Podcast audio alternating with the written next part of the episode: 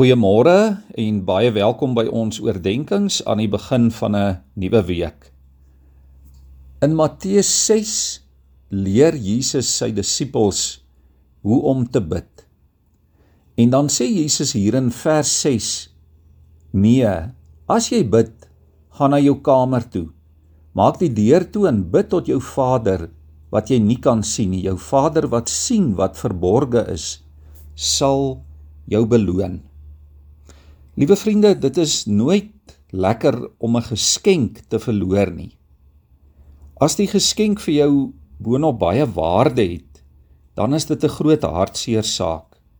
Sommige geskenke, weet ons, het ook emosionele waarde. Dit hou vir ons baie nostalgie in.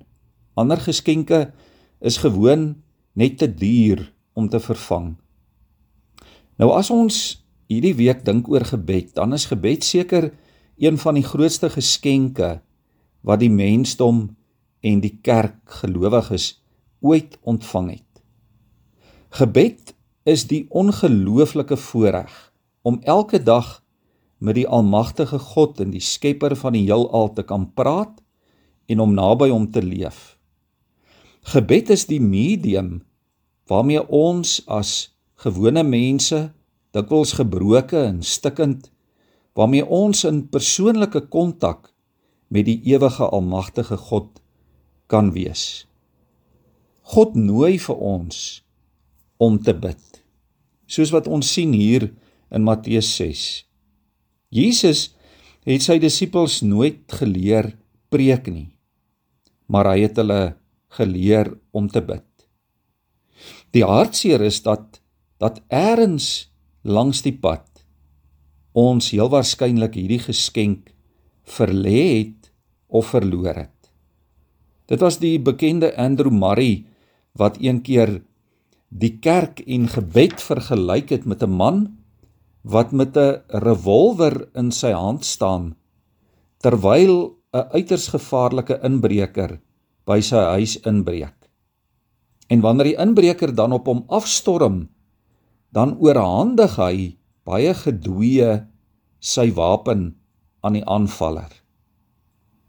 In 'n groot mate het dit ook met gebed gebeur. Ons het gebed prysgegee. Dis ons grootste wapen. Dis die grootste aanvalswapen waarmee God vir ons vertrou. Maar ons het dit oorhandig. Ons het dit prysgegee en weggegee.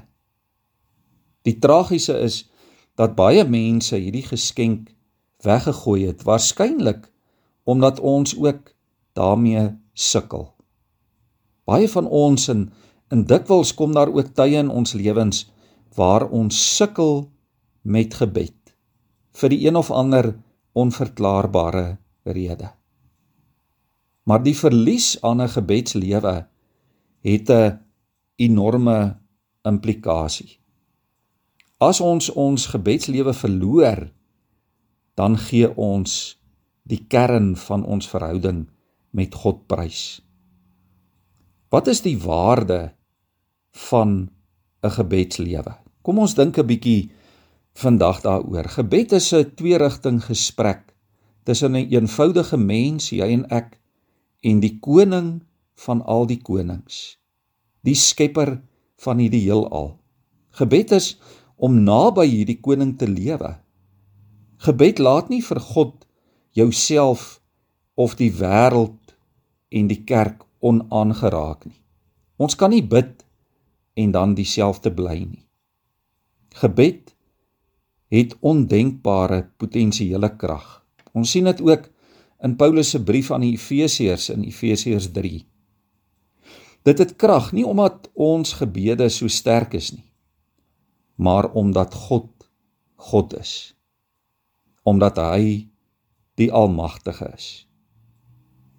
Ons ken waarskynlik almal daardie bekende TV-advertensie oor die ver versekeringspolisse wat nie deur hulle eienaars opgeëis word nie. Miskien omdat dit nie vir die eienaars daarvan waarde het nie. Miskien omdat die eienaars nie bewus is daarvan dat hulle iewerster 'n versekeringspolis met groot waarde het nie. Miskien moet ons net weer 'n slag begin dink oor hierdie groot geskenk wat Christus aan ons gegee het toe hy ons leer bid het. Kom ons buig ons hoofde in gebed voor die Here. Here, vandag buig ons voor U om vir U dankie te sê vir die voorreg om te mag bid. Dankie Here dat U vir ons uitnooi om elke dag met U te praat. Dankie Here dat ons nie hoef te sukkel om 'n afspraak met U te maak nie. Dankie dat U nooit te besig is nie, Here. Dankie dat U nie soos so baie mense te belangrik is nie. Here, ons vra dat U ons sal vergewe waar ons ons gebedslewe afskeep of nalat of dit dalk versaak het of dit prysgegee het. Here kom help ons opnuut om in 'n toegewyde gebedslewe voor U te leef. Amen.